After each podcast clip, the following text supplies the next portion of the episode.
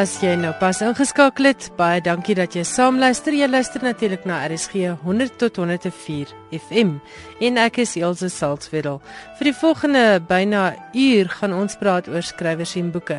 En in finansie program is daar weer 'n lekker verskeidenheid. Onder meer 'n baie interessante gesprek oor die poësie van die Eerste Wêreldoorlog. Maar eers 'n bietjie terugvoer na verlede week se erfenisprogram. Ek het baie baie lekker SMS'e gekry. Baie dankie aan elkeen wat die moeite gedoen het om hulle waardering uit te spreek vir die program. Net weer as jy dit misgeloop het, gaan luister dit gerus op Potgooi. Dit is op ons webwerf by RSG www.co.za gaan na potgoeie en tik eenvoudig skrywers en boeke in en dan kan jy luister na twee heerlike gesprekke deur Gerrit Olivier wat gepraat het oor sy bundel sketse Kersfees op Wonderfontein en natuurlik Simon Bruinders wat gepraat het oor die sideboard sy roman wat eens 'n verhoogstuk was en wat binnekort weer 'n musikale blyspel gaan word. Ek het baie navraag gehad oor waar hierdie boeke bestel kan word. Soos altyd, as jy die skrywer en die titel van die boek het, sal jou plaaslike boekwinkel jou met groot graag te help. Gerrit Olivier se boek word uitgegee deur Rosalind. Die titel is Kersfees op Wonderfontein en dan is Simon Bruinders se boek se naam Die Sideboard en dit word uitgegee deur Naledi. Doen gerus navraag by jou plaaslike boekwinkel en vra hulle om dit vir jou te bestel. Ek kry ook gereeld navraag oor waarheen jy moet gaan as jy 'n boek wil publiseer. Nou dit is regtig ongelukkig nie iets waarmee ek kan help nie. Dit help nie om vir my 'n manuskrip te e-pos nie. Jy moet direk met 'n uitgewer daaroor in aanraking kom. En alle uitgewers se webwerwe het pertinente inligting oor die indien van manuskripte of storie-idees. So ek gaan nie op sulke e-posse en SMS'e kan reageer nie. Maak gerus direk met die uitgewers kontak. Volgende week is dit weer tyd vir aardklop in Potchefstroom en gelukkig tog word die letterkunde nooit agterweë gelaat nie.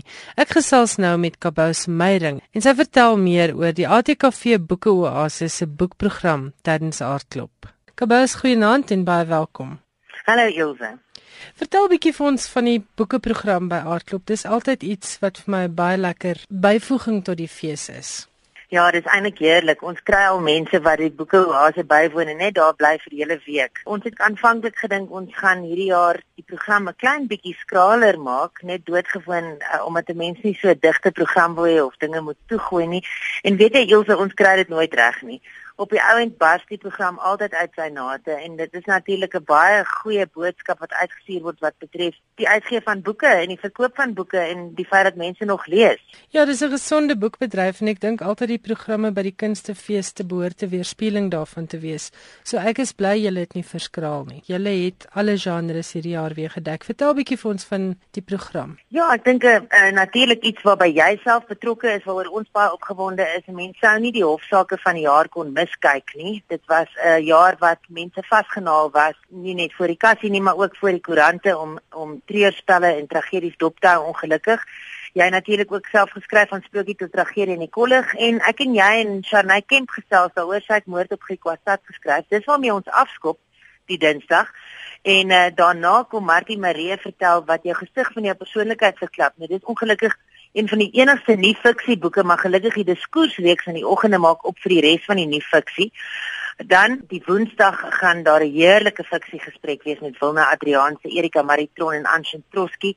Anshin Troski se boek natuurlik die jongste van die 3, maar uh drie baie gewilde skrywers wat met mekaar gaan gesels. Jy fasiliteer die gesprek en ons is baie dankbaar daarvoor. Ek ek ek dink ook jy gehoor kan soontoe kom veral om vra vir hulle gunsteling skrywers te vra om na die tyd getekende boeke te kry en so voort. Hmm. Want daai drie is eintlik al so fiksie rockstars. Ja, ek stem saam jou, dis 'n goeie term. Harry Kalmer kom gesels oor sy boeke 1000 stories oor Johannesburg, dis die donderdag. Daarna het ons be die bekende jaarlikse digter saamtrek wat ons noem Hartop. Hierdie jaar is Dani Maree daar, Daniel Hugo is daar, Toast Koetser is daar. Dit is 6uur in die kwad en teen daai tyd is die boeke reeks eintlik al ehm um, so goed afgeskop en so goed bygewoon dat almal maar daar kan kom en ontspan en na hulle gunsteling digters kyk wat hulle eie digkuns voorlees. So ek het nou wel eens waar lyk like dit my die Woensdag het ek ehm um, verbygehardloop verby iets wat ook vir ons baie opwindend is, is die sideboard van Simon Bruin. Dis ek weet nie of die luisteraars hom onthou van broer Mati Igoli en Swartwater nie, maar hy gaan uit sy eie boek om voorlees. Dis aan 04:30 Woensdag die 8 Oktober, net om mense daaraan te herinner. En dan daarna, ehm um, stel NB Boeke Hans Du Plessis se inboekeling bekend. Ons wil graag vir almal uitnooi om sien te kom op 6 die Woensdag. Daar gaan lekker wyn wees van Leopard Sleep en Thys Himan gaan die gesprek lei. So dit beloof om baie interessant te wees. Die boek kry ook baie goeie resensies in die pers. Dan donderdag die oggend, ek weet ek het nou by die aand al begin, maar die oggend of die middag half 1 gesels Saartjie Botha en Corneels Breitenberg met mekaar oor die trilogie Hartland, Donkerland en Kruispad wat ook nou uitgegee word.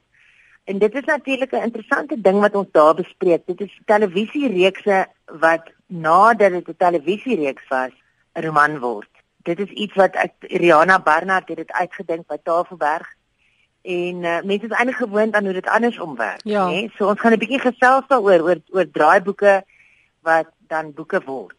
Ja, want ek dink die proses moet interessant wees, want jy moet baie vleis ja. bysit by 'n draaiboek om van dit 'n roman te maak. Absoluut. En Corneel het dit dan nou gedoen. Saartjie Botha het saam met Dion Opperman die Donkerland teks ontwikkel en so hulle um, hulle gesels met mekaar wat beloof om interessant te wees. Dit is half 1 die donderdag.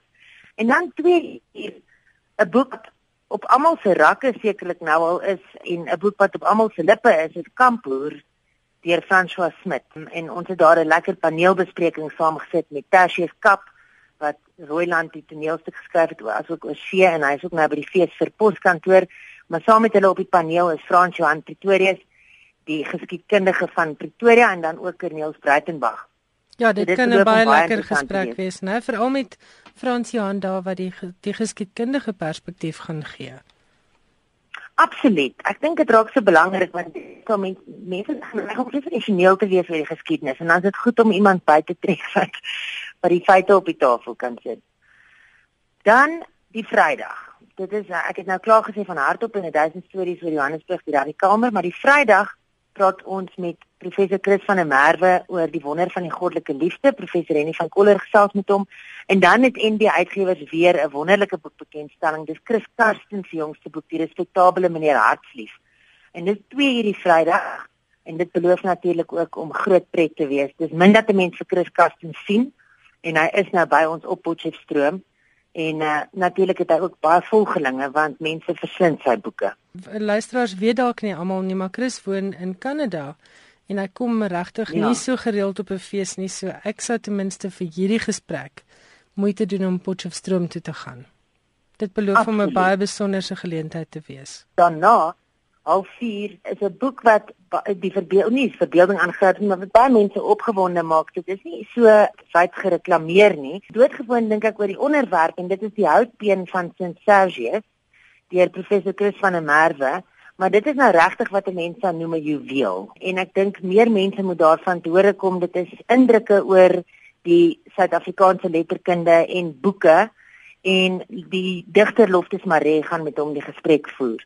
So as jy by die Chris Kassen bekendstelling was, dan kan jy vir jou 'n lekker glas wyn kry en 'n bietjie agteroor sit en dan luister na 'n gesprek oor die juweel van die boek Die Houtbeen van St. En dan eindig die boeke Oase reeks die Saterdag met iets wat nie eintlik gekoppel is aan een boek of roman nie en dit kan nou ook nie fiksie. Ek het nou nou vir Martie Marie genoem as die enigste nie fiksie komponent, maar hierdie is wat ons noem 'n lekker gesprek vir omtrent 'n uur en 'n half oor Jannie Smit en die titel is Jannie Smits Alien of Inboorling. En die paneel bestaan uit professor Christof Heinz, advokaat Willem Gravett, kolonel Charles Comley en professor Kobus de Bisani en uh, ons gaan so klein bietjie kyk na die geskiedenis van Jannie Smits en wat hy vir Suid-Afrika beteken het en hoe ons hom moet interpreteer. Daar gaan 'n hele paar titels wees wat nog in druk is oor hierdie staatsman maar uh dit is basies voorlegging is 'n baie droë woord, maar dit is daar gaan 'n PowerPoint presentation wees en uh dit is net 'n lekker lang lesing oor Jan Smit en dan kan jy gehoor ook vra vra. En ek neem aan al vier die mense wat jy genoem het is kenners. Ja, hulle is kenners en hulle het ook uiteenlopende ehm um, standpunte. Ja. Okay. Ja. Goed. Ja. Vertel vir my, is dit op dieselfde plek as verlede jaar? Die uh, ATKV boeke oase, waar hou julle dit? Ja, dis op dieselfde plek is nou al die 4de jaar daar. Dit is in Hofmanstraat oor kan die bult. Vir die Potchefstroom is, hulle sal almal weet waar dit is, maar vir die ouens wat gaan deurreis, die bult is naby aan die kampus en dit is 'n grasplein in die middel van die dorp. So oorkant dit is daar 'n pragtige ou rooi baksteen gebou. Dit is die Boeke Oase en die ATKV is ons hoofborg en ondersteuner en hulle sal sorg dat uh mense duidelik kan sien en dan ook as jy net 'n klein bietjie wil wegkom uit die fees en die geroesemoes van die fees, dan kan jy rustig daar by die boekwinkel wat 'n graffiti is kom sit en 'n lekker koppie tee of 'n glas water drink en miskien 'n lekker boek lees in die koelte. Of natuurlik 'n glas wyn soos jy vroeër gesê het. Ek dink ek sê dit te veel. Ah. nou okay, kom ons sê dan vir die mense daar's ook kos te koop daar. Dit was vir my vir ja. jaar baie lekker om net 'n bietjie van die roesemoes van die fees af weg te kom. Soos wat jy nou sê, dit is 'n lekker eenkant en dit is jy weet jy's omring deur boekliefhebbers as jy soontoe gaan. Ja, ag en en weet jy Ilse, ek wil ook net sê ek dink iets wat jy ook gereeld besoek is Jan se tweedehandse boekwinkel. O ja, dis fantasties. Ja.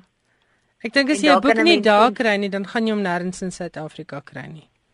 Absoluut, absoluut. Goed en die boekprogram by Artklop, die ATKV Boeke Oase, dit skop natuurlik af op Dinsdag die 7de Oktober, soos Kabous nou vir ons gesê het, en die laaste gesprek is dan Saterdagoggend die 11de Oktober. Kabous net 'n laaste vraag, betaal mense om hierdie gesprekke by te woon? Glad nie betaal glad nie. Dit is absoluut met die met die hulp van die ATKV en dan wil ek ook net asseblief sê dat sonder die uitgewers sou ons dit glad nie kon doen nie. Lapa, veral NB uitgewers, hier streef ek baie NB boeke op die program. Ek dink soos ek vroeër gesê het, mense is opgewonde, wel die uitgewers dink ek voel weer dat mense boeke koop. Dis 'n 'n sirkel wat jy weet, die, die een hand voed die ander en ek dink lesers moet net onthou dat as dit nie vir hulle was nie, sou die uitgewers ons nie kon help nie. So baie dankie. Baie waar woorde daar deur Kabous Meyering, die organiseerder van die ATKV Boeke Oase wat volgende week weer plaasvind tydens die Aardklop Kunstefees. Aan Kabous en die organiseerders, Graffiti Boekwinkel en al die uitgewers wat hierdie boekeprogram moontlik maak. 'n Hartlike dankie ook van die kant van skrywers en boeke. En vir luisteraars, die program is heeltemal gratis, so ondersteun dit asseblief. Vanjaar is die 100ste herdenking van die Eerste Wêreldoorlog wat in Augustus 1914 in Europa uitgebreek het. Dit staan ook natuurlik bekend as the Great War en was die eerste oorlog wat op industriële skaal gevoer is en waarin miljoene soldate op die slagvelde gesterf het. Corina van der Spool het 'n baie lekker gesprek opgeneem met Johan Skols en hulle praat oor die digters van die Eerste Wêreldoorlog. Op 28 Julie 2014 was dit 100 jaar gelede sedert die Eerste Wêreldoorlog uitgebreek het. Ek het gesels met regsgeleerde en 'n boekversamelaar, Johan Skols, oor die letterkunde wat voortgespruit het uit die oorlog. Johan is 'n versamelaar van militêre geskiedenis en veral die letterkunde daar rondom. Hallo Johan. Goeienaand Corina. Johan, jy is 'n versamelaar van veral poesie van die Eerste Wêreldoorlog, nie net van die Eerste Wêreldoorlog nie, maar ook daarvan. En jy sê jy besoek ook self slagvelde. Ja, ek is daarop so seker 'n bietjie van 'n war junkie, maar Wilfred Owen het gesê I write about war and the pity of war in die voorwoord van sy eerste digbundel. En dis eintlik wat my aangryp van oorlog, nie die noodwendige glorie nie, want dikwels is daar nie so baie glorie nie, maar it's the pity of war, dis die menslike aspek van oorlog en die letterkunde wat dit voortbring wat my eintlik interesseer. Daar's wyd melding gemaak van hierdie eeu herdenking van die wêreldoorlog, Eerste Wêreldoorlog se aanvang. Waarom is die Eerste Wêreldoorlog so belangrik om geherdenk te word? Wel, hulle het gesê it was going to be the war to end all wars en dit natuurlik was dit nie, maar dit was wel 'n keerpunt geweest. Dit was 'n keerpunt in terme van mense se sienings oor oorlog. Voor die Eerste Wêreldoorlog is oorlog tot 'n groot mate gesien as iets wat onverwendbaar was of wat nodig was of wat dikwels glorieryk was. En die sienings van generaals is as hoog aangeslaan en die Eerste Wêreldoorlog het 'n wending gebring. Vir die eerste keer het mense gesien die dood wat op so 'n industriële skaal plaasvind. 19de eeuse taktieke wat teen 20ste eeuse wapens aangewend is dat 'n groot sinisme oor oorlog en militêre taktik en militêre leiers ingetree het en ek dink nie sedertdien is oorlog ooit weer met dieselfde onskuld of onkritiese denke beheer nie. Die digters van die Eerste Wêreldoorlog word veral onthou. Waarom is dit so belangrik? Ek dink hulle het verwoord die pathos van daai oorlog, soos ek soos Hoofdout gesê het, the pity of war. en dit is wat wat mense aangegryp het. Daar was 'n baie gesofistikeerde offisiersklas wat wat veral in die Engelse weermag geveg het, mense wat op Oxford of Cambridge was, mense wat digters al in eie reg was voor hulle in die loopgrawe is. Dis die een klomp en daar is ook mense wat eers in die oorlog self begin letterkunde pleeg het of dig het. Mense soos Wilfred Owen en en en ander. Ehm um, maar ek dink dit was so intense ervaring dat mense dalk nie anders kon as om daaroor te dig en letterkunde te skryf nie. Wat my tref is dat die gedigte meestal van jong mans is oor jong mans wat ontydig sterf. Wil jy 'n paar van die belangrikste digters noem van die Eerste Wêreldoorlog? Daar was Rupert Brooke wat inderdaad vroeg gesterf het sommer aan die begin van die oorlog. Hy het besonder uitgesien na die oorlog op 'n sekere manier en hy het geskryf in die die voorwoord van een van sy gedigte praise be to god who has matched us with his hour or this hour. So hy was dankbaar dat die oorlog aangebreek het en dat hy ek dink in sy geestesoog 'n groot ryke rol daarin sou speel. Hy het toe op 'n minder gloeiryke wyse gesterf want 'n muskiet het hom op die neus gesteek op pad Gallipoli toe en hy is dood van infeksie en hy's op die Griekse eiland Skyros begrawe. So hy is redelik vroeg in die oorlog dood. Is dit nie juis Rupert Brooke wat die profetiese woorde geskryf het? If I should die, think only this of me that there's some corner of a foreign field that is forever England. Inderdaad. En wat interessant is is as jy daardie gedig van hom The Soldier vergelyk met 'n gedig wat Thomas Hardy geskryf het ook in 1914 maar oor die Boereoorlog wat anders as die Eerste Wêreldoorlog dikwels beskou word as the last gentleman's war. Dan resoneer dit nogal. Die gedig se naam is Drummer Hodge en as ek mag sal ek hom graag wil voorlees. They throw in Drummer Hodge to rest uncoffined just as found. His landmark is a copy crest that breaks the felt around and foreign constellations west each night above his mound. Young Hodge, the drummer, never knew, fresh from his Wessex home, the meaning of the broad karoo, the bush, the dusty loam, and why uprose to nightly view strange stars amid the gloam. Yet portion of that unknown plain will Hodge for ever be, his homely northern breast and brain grow to some southern tree and strange-eyed constellations reign his stars eternally. Dis nou Thomas Hardy wat praat wat die gedig oor drummer Hart skryf wat sterf op die velde van Suid-Afrika. Van Suid-Afrika, die die foreign fields. Van die unknown plain waar Hodge lê wat for what will forever be is dieselfde as Flanders Fields waar Rupert Brooke dan nou gedink het hy sou lê, maar 'n foreign field sekerlik ook die Griekse eiland wat altyd 'n deel van Engeland sal wees en daar is inderdaad pelgrimstogte wat soontoe onderneem word wat mense Rupert Brooke se graf gaan besoek. Ek was nou nog nie daar nie. Dit's nie so hoog op my bucket list nie. Johan, jy het al vertel dat jy slagvelde besoek. Vertel bietjie watter en met watter doel? Wel, as mense in iets belangstel, dan is dit vir jou interessant om die plekke te sien waar dinge afgespeel het. En ek vind slagvelde selfs eeue of dekades na die tyd steeds baie roerend want dit is vir my asof iets van wat daar plaasgevind het, die intense emosie wat daar uitgespeel is en die intense aksie tog tog daar bly. Ek was al by Delwel Bos gewees in die slagvelde van die Eerste Wêreldoorlog op in die in die Ipervallei en in die Somme en ek was ook in Tweede Wêreldoorlog slagvelde in Normandië en wat veral vir my baie betekenisvol is wat nou nie oor die Eerste Wêreldoorlog gaan nie is die Tweede Wêreldoorlog slagvelde in Noord-Afrika soos El Alamein en Tobruk wat uh, vir my uh, baie besonder was. Kom ons praat hier 'n bietjie oor die digters van die Eerste Wêreldoorlog. Wilfred Owen word gesien as een van die grootste Engelse digters van daai oorlog. Wat het met hom gebeur? Wel, soos baie ander is hy dood op die einde, maar hy het begin dig in die oorlog en onder aan onder aansporing van Siegfried Sassoon wat 'n um, ander baie bekende digter is en luisteraars wat die boek van Pat Barker Regeneration gelees het wat die Boekerprys gewen het in 1995 dink ek. Daardie boek gaan hoofsaaklik oor die ontmoeting tussen Sassoon en Wilfred Owen by Craig Lockhart wat 'n uh, hospitaal was vir offisiere wat aan bomskok gelei het in die Eerste Wêreldoorlog.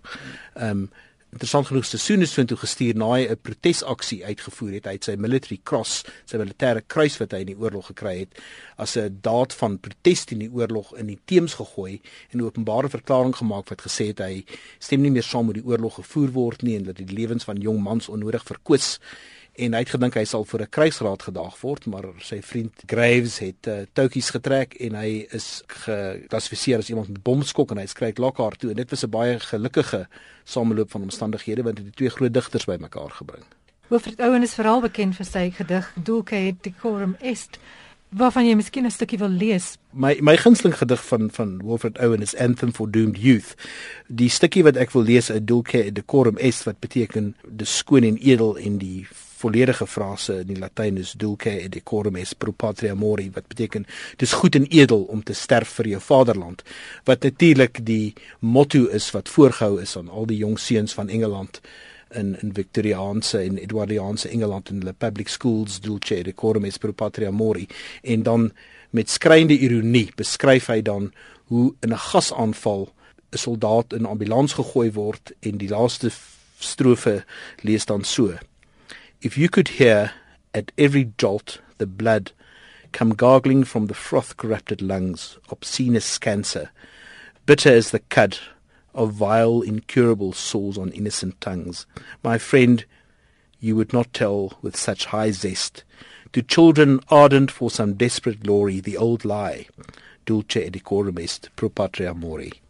Die Britse poet laureate Carol Ann Duffy het 'n gedig geskryf in herinnering van die Eerste Wêreldoorlog En dit is eintlik in gesprek met Wilfred Owen se gedig Dulce decorum est. In hierdie gedig wil sy die oorlog as dit ware ongedaan maak. Ek lees 'n stukkie daarvan. In all my dreams before my helpless sight he plunges at me guttering choking drowning if poetry could tell it backwards true begin that moment shrapnel sires you to the stinking mud but you get up amazed Watch bled bad blood run upwards from the slime into its wounds.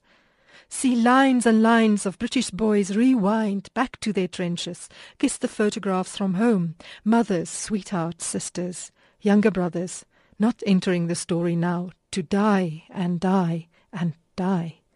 Dulce, no. Decorum, no. Pro patria mori. En dan teen die einde lees ek 'n stukkie van die gedig. You lean against a wall, your several million lives still possible, and crammed with love, work, children, talent, English beer, good food. You see the poet tuck away his pocketbook and smile. If poetry could truly tell it backwards, then it would. Dit was 'n gedig van Caroline Duffy in gesprek met Wilfred Owen Maar jy wou nog 'n gedig lees van Wilfred Owen? Die gedig wat vir my die mooiste van hom is is Anthem for Doomed Youth. What passing bells for those who die as cattle? Only the monstrous anger of the guns, only the stuttering rifle's rapid rattle can patter out their hasty orisons. No mockeries now for them, no prayers nor bells, nor any voice of mourning save the choirs, the shrill demented choirs of wailing shells, and bugles squalling for them from sad shires. What candles may be held to speed them all? Not in the hands of boys, but in their eyes shall shine the holy glimmers of goodbyes. The pallor of girls' brows shall be their pall. Their flowers the tenderness of patient minds, and each slow dusk a drawing down of blinds. Ek het hierdie gedig in matriek eerste keer teëgekom en dit is eintlik die gedig wat my aantrekking tot die digters van die Eerste Wêreldoorlog aangewakker het. So as jy my hoor vanaand baie dankie juffrou Bendix. Die gedigte van die Eerste Wêreldoorlog is aanvanklik heroïes en later vertel dit van die verskrikking van die oorlog. Watter ander emosies word in die gedigte beskryf? Ehm um, Siegfried Sassoon byvoorbeeld was geweldig soos baie soldate selfs vandag nog wat van die front af terugkom ervaar 'n onvermoë van die burgerlikes by die huis om te verstaan waaroor dit gaan, om te verstaan wat hulle beleef en ontwikkel amper 'n tipe aggressie teenoor selfs hulle geliefdes tuis wat net nie kan verstaan hoe ontsettend dit is wat hulle in die loopgrawe of op die slagveld beleef nie. En 'n gedig wat Siegfried Sassoon geskryf het daaroor is Glory of Women. En miskien net 'n paar reëls daaruit. You love us when we heroes home on leave or wounded in a mentionable place. You worship decorations. You believe that chivalry redeems the war's disgrace. You make us shells. You listen with delight by tales of dirt and danger, fondly thrilled. You crown our distant ardours while we fight, and mourn our laurelled memories when we killed. You can't believe that British troops retire when hell's last horror breaks them and they run, trampling the terrible corpses, blind with blood. En dan eindig hy: O German mother dreaming by the fire, while you are knitting socks to send your son, his face is trodden deeper in the mud. Dis redelik ontsettende beelde daardie.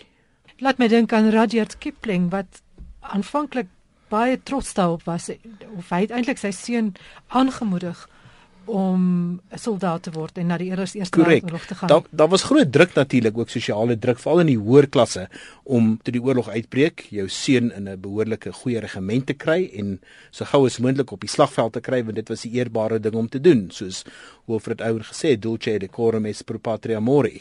Hulle het nog net nie geweet van die gasaanvalle en die loopgrawe nie en Kipling se seun John of Jack soos almal hom genoem het, het baie swak sig gehad en sou baie maklik militêre diens kon vryspring. Maar hy wou so graag en om die waarheid te sê sy pa, Kipling, Rudyard Kipling wou so graag dat hy moet gaan veg en en die familie se se eer uitdra dat toukies getrek is en hy in 'n in 'n goeie regimente 'n uh, offisiersrang gekry het, 'n luitenantskap en hy is dood in die slagveld van Loos of Loos en sy lijk is nooit gevind nie. Wel in 'n geval nie gedurende sy ouers se leeftyd nie. Ek ek ek verbeel my hy's na die tyd redelik onlangs is hy uh, oorskot identifiseer as as die van van Jack Kipling. Maar Kipling het 'n baie roerende gedig daaroor geskryf, My Boy Jack.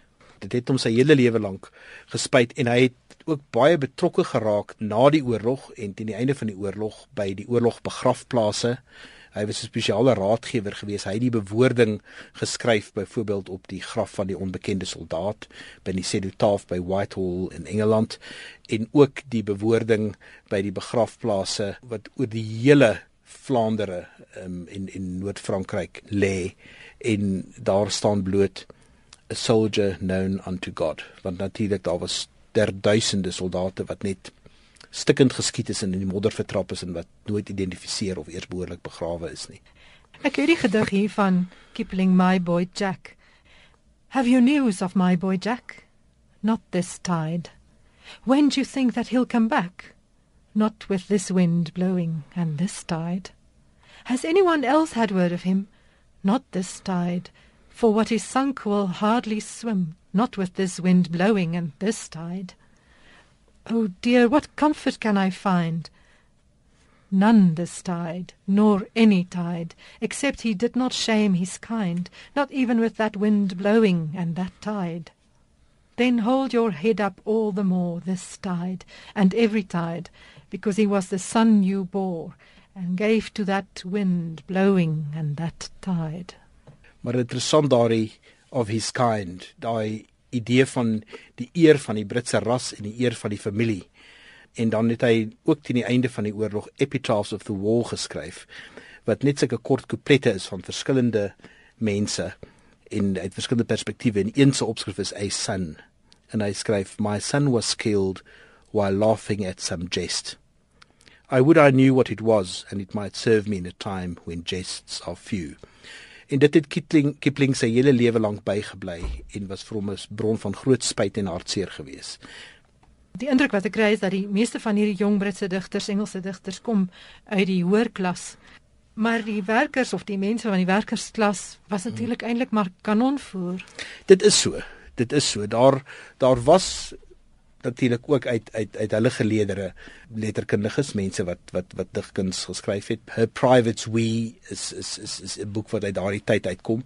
Maar dan uh, was daar die digter Isaac Rosenberg wat miskien die enigste Eerste Wêreldoorlog digter is wat 'n uh, Suid-Afrikaanse band het want alhoewel hy in Engeland groot geword het, het hy aan swak gesondheid gely. Hy was ook 'n klein van statuur geweest. Hy was 5 onder korter as 5 voet 3 wat beteken het hy het in een van die sogenaamde Bantam regiments diens gedoen wat uit klein tingerige soldate bestaan het wat eintlik nie noodwendig 'n slegte ding was in loopgrawe moet rondloop heeltyd nie en hy is ook dood kort voor die einde van die oorlog. Isaac Rosenberg was inderdaad in Kaapstad gewees waar hy by sy suster gewoon het toe hy gehoor het van die uitbreek van die Eerste Wêreldoorlog en een van sy bekende gedigte on receiving news of the war is inderdaad in Kaapstad geskryf. En die laaste strofe daarvan gaan: O ancient crimson curse, corrode consume, give back this universe its pristine bloom. Dit was sy wens geweest. Dit het natuurlik nie vir hom so uitgewerk nie. Was daar enige Suid-Afrikaanse digters wat geskryf het oor die Eerste Wêreldoorlog? Daar was nie. Ek dink die redes daarvoor is miskien omdat die Eerste Wêreldoorlog so kort na uniewording plaasgevind het en dit dalk polities sensitief was. Ons sal almal weet die rebellie het ontstaan as gevolg van Suid-Afrika se toetrede tot die Eerste Wêreldoorlog. Alhoewel daar was baie Afrikaners wat geveg het. As jy in Delwel Bos se begrafplaas rondloop, dan sal jy sien die Afrikaanssprekende uh, soldate het ehm um, sal daar staan skutter of of burger, daar staan in Eerste Wêreldoorlog daar staan burger hier Pieterse byvoorbeeld. Dan weet jy dit was 'n Suid-Afrikaner geweest.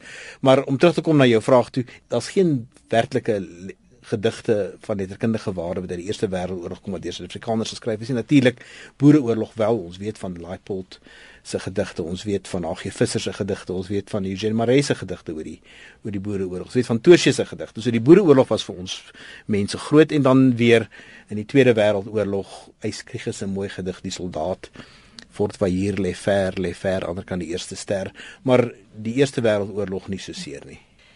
Jy het gesê dat op die Armistice dag op Skietstilstanddag wat 11 November is, mm. word daar 'n gedig gelees van Lawrence Binyon.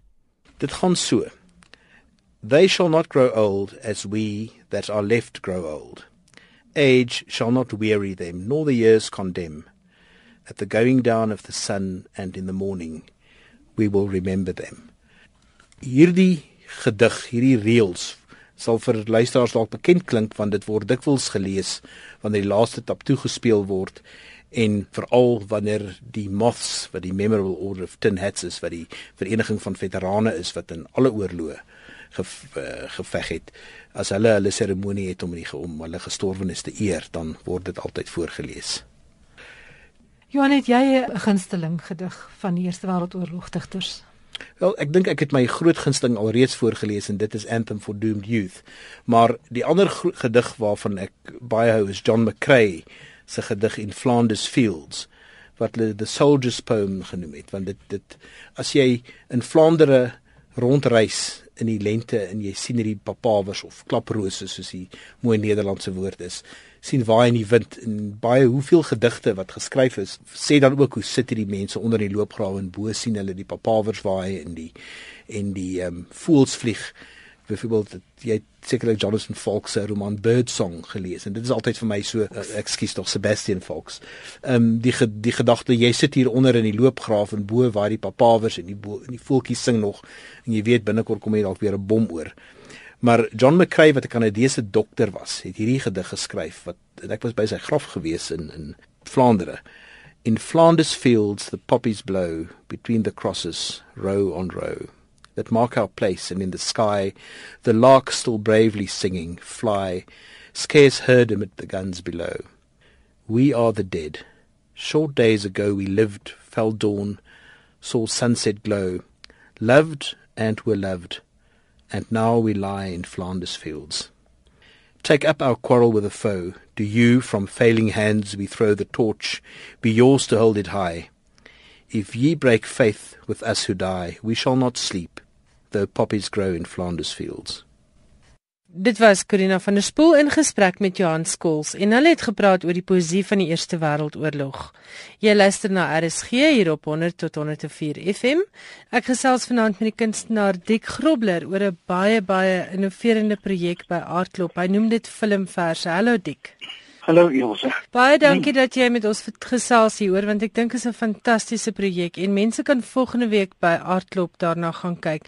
Vertel gou wat is die konsep Filmverse? Filmverse is 'n versameling van animasiefilms wat ek met 11 ander kunstenaars gemaak het en die films gebruik uh, Afrikaanse poesie as bronmateriaal. So ons maak 12 animasiefilms van Afrikaanse gedigte.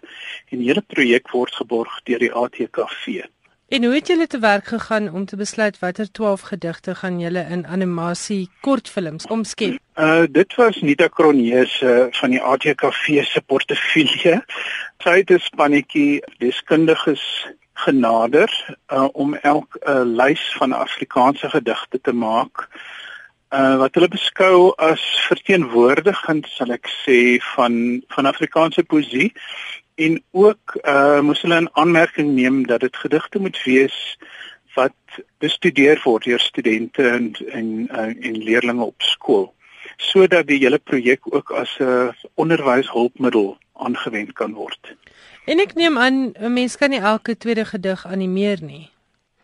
Nee, weet jy, uh die deskundiges het dan elkeen 'n redelike lang lys opgestel en daaruit ons het toe die lyste gekonsolideer en ek moes toe deur die gedigte gaan en kyk wat is animeerbaar want party gedigte gebruik sulke sterk visuele beelde alreeds dat om daai gedigte dan te gebruik sou neerkom op 'n blote illustrasie van van die teks en dit wou ons nooit doen nie. Ons wou films maak wat parallel staan aan die teks. Met ander woorde, die kunstenaar moes sy eie narratief ook na die na die film toe bring. So die films is nooit net 'n klakkelose illustrasie van die gedig nie. Maar hoe werk dit nou om 'n gedig te animeer? Kan jy vir my meer vertel van die gedig waarmee jy gewerk het? Weet jy, dit is moeiliker as wat ek self aanvanklik gedink het, omdat wanneer mens met 'n gedig werk om 'n ander kunswerk daarvan te maak, jy werk reeds met 'n bestaande kunswerk en jy moet die integriteit van die bestaande kunswerk in ag neem. Ek het Bruiten Bruitenberg se gedig Ek sal sterf en na my vader gaan gedoen. Nou van die gedig is daar reeds 'n toonsetting gedoen deur Lorena Hofmeyer. So ek het die toonsetting dan ook gebruik as die klankbaan vir my film. My interpretasie van die gedig was nie om Bruiten se woorde te illustreer nie, maar om 'n meer persoonlike interpretasie daarvan te gee met ander woorde wat die gedig vir my beteken. So ek het myself uitgebeeld as elkerman en my belewenis van sterflikheid en die hiernamaals basies probeer uitbeeld aan die hand van sy woorde want ek meen die gedig gaan oor ek sal sterf na my vader gaan so na die na die na sy boarding house in in Wellington. So Bruiten gaan basies terug na sy kindertyd. So dis 'n nostalgiese uitbeelding van die hiernamaals en ek het dit ook as sulks geïnterpreteer. So ek het die fisies die boarding house in in Wellington gebruik as sommige dit maar die hemel noem maar aspekte van my eie belewenisse en my eie kindertyd ook daarmee vervleg. Die animasieprojek self, hierdie droom, waar het dit ontstaan? Ek het in 2000 begin uh, werk met animasie om een of ander rede ek ek meen dit is so lank terug ek kan nie spesifiek onthou wat presies die idee by my laat posvat het nie maar ek het reeds in 2002 het ek 'n dokument geskryf waarin ek wou hierdie projek wou doen met ander kunstenaars omdat ek 'n platform wou skep vir individuele animasie jy weet animasiefilms deur kunstenaars self want baie van die animasie wat gemaak word in Suid-Afrika het 'n meer kommersiële toepassing jy weet dit is vir advertensies of Dit is vir kindervermaak. Ek wou animasiekuns as 'n kunsvorm wou ek 'n platform voorskep. Want mense dink nog steeds en ek dink baie mense wat hoor van die projek verwag nog steeds hulle hulle gaan kinderfilms sien en dit is glad nie die geval nie. Hierdie projek skop nou af by Aardklop, maar gaan dit na die ander kunstefeeste uitgebrei word? Ja, ons uh, beoog om met die uitstalling te reis. Die uitstalling bestaan dan uit die filmprogram wat so 40 minute lank is en dan ook moes elke kunstenaar 'n plakkaat vir sy film ontwerp. So die word in die mure gehang en dan maak ons 'n klein teatertjie in die galery en daar kan mense nou kom kyk daarna. So ons gaan woordfees toe, ons gaan KAK toe, Ons gaan vryfees toe, moontlik gaan ons uh, Gramstad se kunstefees toe. En ja, verder sal ons sien um, Nita van die ATKV uit haar hoed uittrek. Watter gedigte animeer julle vir filmverse? Dis 'n baie wye spektrum van gedigte. Die oudste een is, ek so stel, is NP van Wyklou se Vroeg Herfs. Dan het ons bitterbesie dagbreek van Ingrid Jonker. Ons het 'n uh, jong uh, digter soos Loftus Maree se uh, belydenis van 'n studente digter. Ronelda Kamfer se uh, gewone blou maandagooggend. Dani Maree se uh, jy vra my hoe my eerste seisoen was. Dit is nog Lina Spesifies So dis 'n lekker verskeidenheid. Dit is ou klassieke, ek kan nou maar sê ou klassieke Afrikaanse digters en dan die nuwer stemme ook. Ja. Goed, by Aardklop, moet mense betaal om hierdie uitstalling te sien of is dit gratis? Nee, die uitstalling is gratis. Al die films word op DVD beskikbaar gestel, so mense kan ook die DVD van die film koop. Uh, by Aardklop dit kos R100 'n DVD. En as mense nou nie weer aardklop kan uitkom nie, kan hulle dit ook van die ATKV af bestel. Op die ATKV se webwerf sal dan wel die inligting beskikbaar wees. Dit was die stem van Dick Grobler. Ek en hy het gepraat oor filmverse, 'n baie opwindende projek wat die digkuns met visuele kuns kombineer. Jy kan gaan kyk daarna by Aardklop van volgende week af Ek dink die uitstallings oop maandag tot Saterdag volgende week by die Aardklop Kunstefees in Potchefstroom. En dan soos Dik gesê het, wees op die uitkyk daarvoor by ander kunstefeeste van vroeg volgende jaar af. Baie dankie ook aan die ATKV wat dit vir Dik en die ander kunstenaars moontlik gemaak het om hierdie opwindende projek aan te pak. En dankie ook vir alles wat julle by die ATKV doen vir die Afrikaanse kultuur en letterkunde. En soos Dik genoem het, hierdie uitstalling is by uitstek geskik vir skooliere en leerders en studente wat met hierdie verse werk. As jy nie by Artklop kan uitkom nie, die DVD's is beskikbaar en kan bestel word vanaf die ATKV se webwerf by www.atkv.org.za.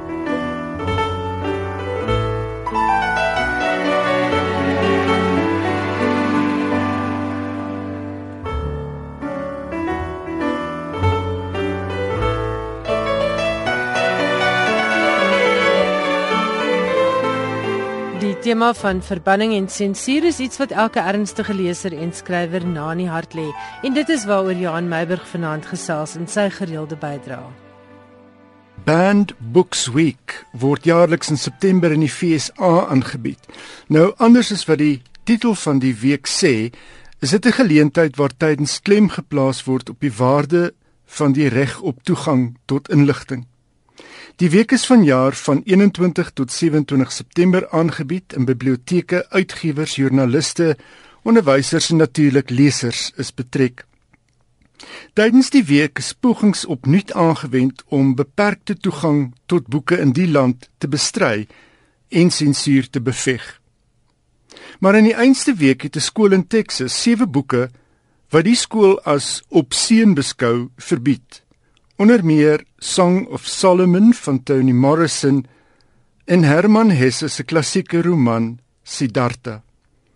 Ouers het glo gekla dat hulle kinders blootgestel word aan onbetaamlike leesstof.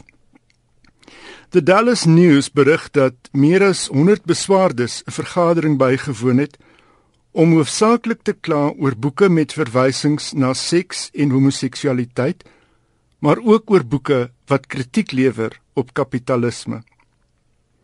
Om saam te val met die Amerikaanse Banned Books Week het die Britse koerant The Telegraph verlede week 'n lys van 20 boeke gepubliseer, books that were famously banned, soos die koerant na die lys verwys.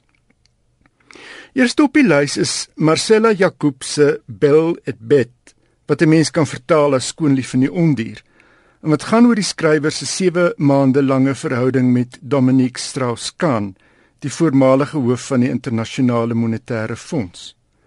Hoewel Strauss-Kahn nie by die naam genoem word nie, het Jacob teenoor 'n Franse joernalis laat val dat hy inderdaad die protagonis in die boek is. Strauss-Kahn kon die boek nie verbied kry nie, maar Jacob en haar uitgewer moes wel 50000 euro opdok aan skadevergoeding. Die tweede boek op die lys is The Spy Catcher, die boek waarin Peter Wright, 'n ex-M15 agent, die Britse intelligensiediens blootgelê het in sy weergawe van sy diensjare as spionvanger. Hy het moordkomplotte, sameswerings met die CIA en wat nie al nie uitgeblaker en die Britse regering het die boek kort na publikasie in die land verbied.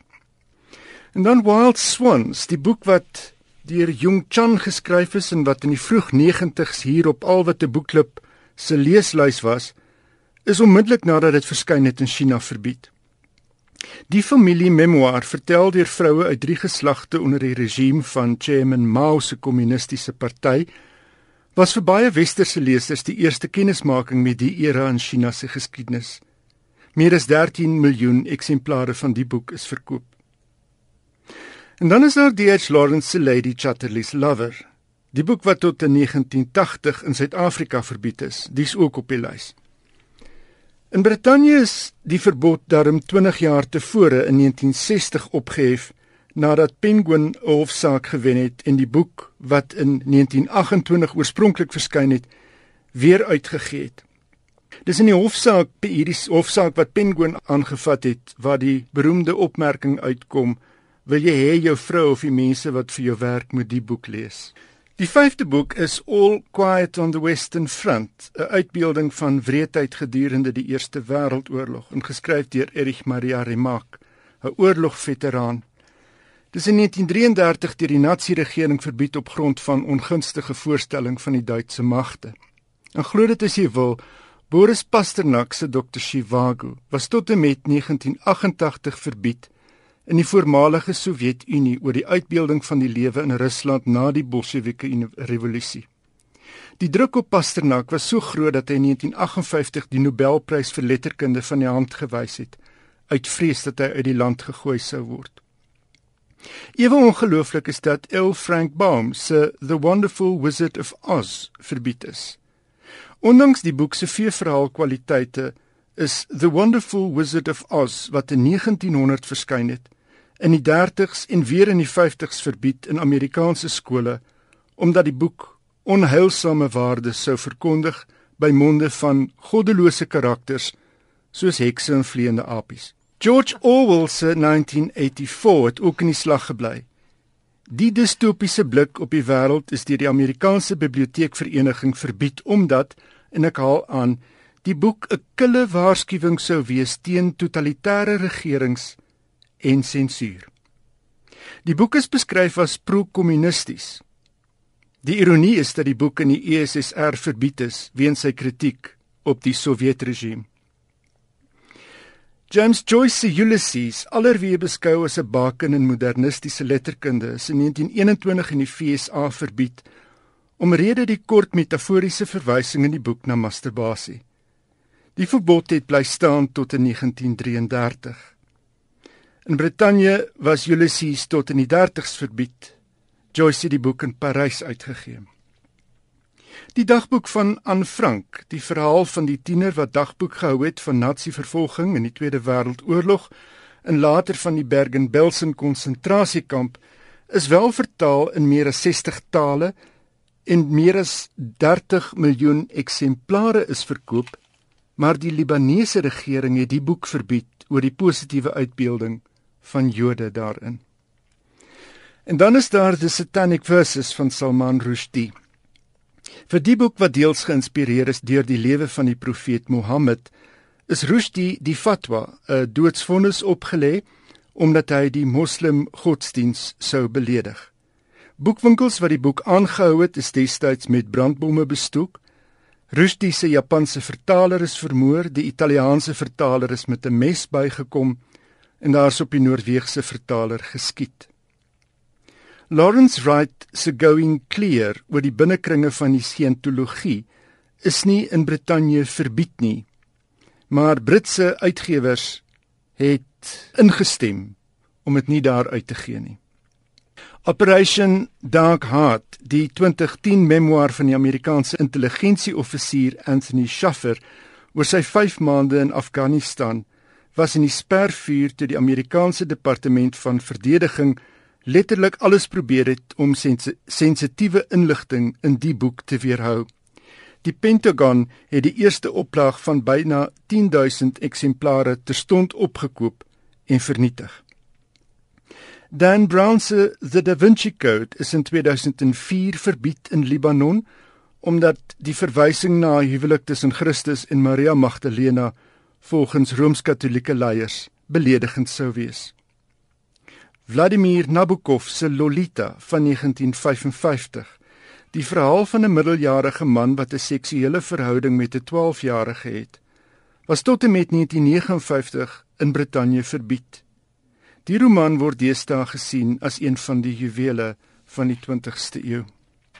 Mein Kampf, Adolf Hitler se autobiografie streep manifest is in 1945 in Duitsland verbied. Hoewel miljoene eksemplare wêreldwyd verkoop is, is die boek eers in 1992 in Pole uitgegee. Ondanks die sukses van J.K. Rowling se Harry Potter reeks, is die eerste 4 boeke die boeke wat glo die meeste kere in die FSA verbied is. Die boeke wat heksery en die okkulte sou bevorder, is reg deur die FSA verbied en verbrand. Talle skoolbiblioteke het nietemin ondanks die aandrang van ouers die boeke op die rak gehou. Radcliffe Hall, tydgenoot van Virginia Woolf, se boek The Well of Loneliness het in 1928 verskyn. Maar na hofgeding is die boek as onbetaamlik verklaar en alle eksemplare is vernietig. Die boek is in 1949 weer uitgegee na Hall se dood. Miljoene eksemplare is verkoop. Die boek was die enigste van Hall se agt romans met 'n oeferte lesbiese tema. In 1965 het John McCann se boek The Dark verskyn oor 'n jongeling se seksuele ontwaking. Die boek is terstond in Ierland verbied en McCann het sy pos as onderwyser verloor. Die verbod is in 72 opgehef. Die laaste boek op die Telegraaf se lys is Lewis Carroll se Alice's Adventures in Wonderland. Die boek is in 1931 in China se Hunan provinsie verbied. Nie op grond van die gebruik van hallusinatoriese middels nie, maar omdat daar in die boek diere is wat praat. Ek is stil van verstomming veral oor die Wizard of Oz en Alice in Wonderland, die verbod en die redes daarvoor. So wat jy vir my sê is jy kan eintlik oor enigiets skryf net oor vleiende apies en diere wat praat nie en seks. En seks en politiek. En wat 'n gelukkige skrywer wat 'n boek skryf wat terstond opgekoop word deur die nasionale intelligensie. Dis fantasties. Ek wil 10000 eksemplare toef net so van die rakke af. Johan sê is altyd baie interessant. Baie dankie.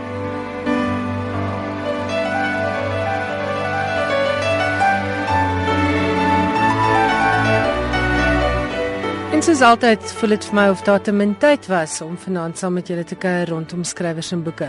Maar volgende week is ons terug. Baie dankie dat jy vanaand saam geluister het. As jy van jou wil laat hoor, stuur 'n e-pos na skrywers en boeke by rsg.co.za of 'n SMS na 3343. Elke SMS kos R1.50 en ongelukkig tel gratis SMS'e nie. As jy die program misgeloop het of as jy net 'n deel daarvan wil herspeel, of dalk wil gebruik by jou leeskring byeenkoms. Onthou al die skrywers en boeke gesprekke is beskikbaar as potgoeie. Baie dankie dat jy die moeite doen om elke Woensdag aan saam met ons te kuier. Volgende Woensdag aand, die 8de Oktober, maak ons weer so. Tot dan groet ek Elsje Saltzwedel.